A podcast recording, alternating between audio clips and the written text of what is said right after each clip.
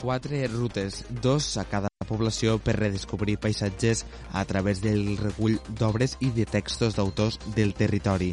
Aquesta és la nova proposta impulsada pels ajuntaments de Deltebre i de Sant Jaume d'Enveja. La primera d'aquestes rutes serà el proper 26 de març a l'illa de Buda i s'emmarcarà a través de l'obra L'obsessió de les dunes, de Zoraida Burgos. Les rutes es reprendran el mes de juny a la finca de Bombita, el mes d'octubre a la Via Verda de Sant Jaume i el mes de desembre novament a Deltebre, a la Bassa de les Olles i al port d'Illa de Mar. La regidora de Cultura i Ensenyament de Sant Jaume d'Enveja, Mònica Colàs, ha manifestat que les rutes estan distribuïdes en el temps per així poder gaudir dels diferents colors del delta i del contrast de paisatges depenent de l'estació. Aquestes rutes estan distribuïdes en el temps per que aquest projecte el puguem distribuir i el podem gaudir durant tot l'any i els diferents paisatges que tenim al Delta. I d'aquesta manera augmentar l'oferta cultural que tenim al territori. És important fer les activitats de forma conjunta perquè així el que també estem fomentant és una, una filosofia d'unió. La regidora de Foment Cultural de l'Ajuntament de Deltebre, Ana Jiménez, ha subratllat que aquesta acció se suma a la resta d'actuacions que s'estan realitzant des de l'Ajuntament de Deltebre per impulsar la cultura i fomentar l'hàbit de lectura entre els veïns i veïnes. Se tracta d'una mm, acció que se suma a moltes d'altres per tal de seguir impulsant la cultura al nostre territori i, com no, fomentar l'hàbit de la lectura. Eh, objectius clars d'aquestes mm, rutes literàries és llegir, escoltar, descobrir i gaudir dels entorns naturals evocant la literatura catalana de diferents autors que han escrit sobre el nostre territori.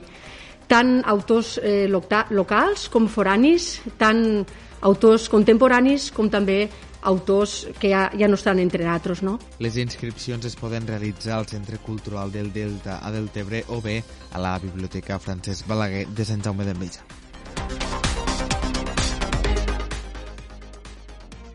Les barques de la Confraderia de Pescadors de Deltebre porten ja unes quantes setmanes amarrades a port ja que la bocana del riu Ebre se troba de nou tancada per l'acumulació de sorres. Esta situació es reprodueix tots els anys i des de la Confraderia de Pescadors demanen solucions. Enguany, el 2022, pues ja, ja quasi, quasi vam començar amb el primer temporal que, va, que van tindre el gener eh, hi ha moltes embarcacions nostres pues, tenen que anar a pescar a altres ports colindants al nostre. Eh, ara s'estava en Mitjarglan, que havien fet fa, fa tres setmanes, quatre, van, amb l'ajuda de l'IDC, eh, van fer una, una batimetria per a poder començar a, el dragatge que per part de l'Ajuntament de Deltebre t'hi aprovat i t'hi pressupostat per a poder fer, però ben el temps que feia, pues, pues, ha tornat a venir l'altre temporal que estem patint en aquest moment i ara portem pues, pues, quasi ja 4 o 5 dies que nostres embarcacions en la seva totalitat no poden sortir per la, per la boca del riu.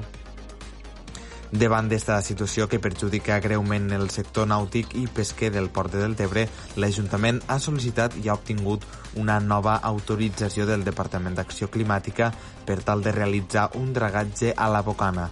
El consistori ja va realitzar un primer dragat a l'abril del 2019 i en aquell moment es van veure 1.500 metres cúbics de sorra per aconseguir un calat de 250 centímetres. L'Ajuntament de Deltebre ha tret ja a licitació el projecte per a poder actuar de nou, malgrat insisteixen que la solució ha de ser estructural. No es pot, eh, estem, eh, estem parlant de moviment de sorres, però una part no es parla en cap moment de que s'ha de dragar la bocana del riu.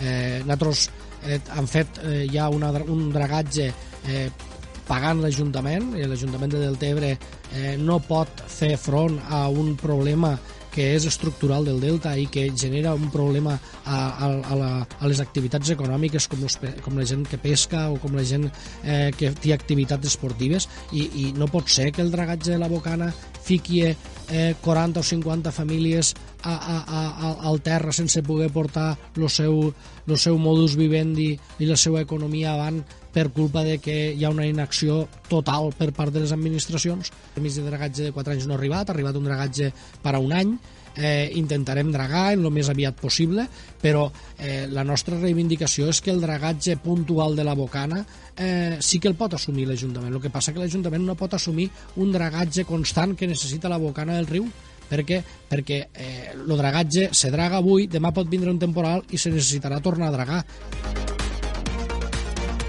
L'associació esportiva L'Ofanga de l'Ampolla, amb el suport de l'Ajuntament de la població, s'ha sumat a la iniciativa solidària Magic Line de Sant Joan de Déu i que tindrà lloc este diumenge 20 de març.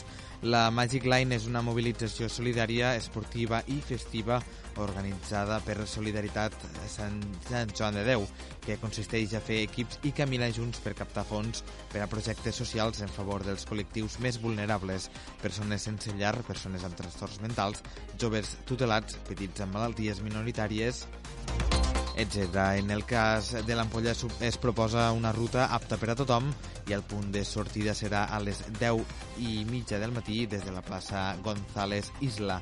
A partir d'aquest punt, les persones participants hauran de recórrer tot el passeig marítim fins a arribar a la bassa de les Olles. Un cop els equips hagin fet la volta sencera a la llacuna, hauran de tornar al punt d'inici. Ja sabeu que podeu continuar informats a través del portal delta.cat.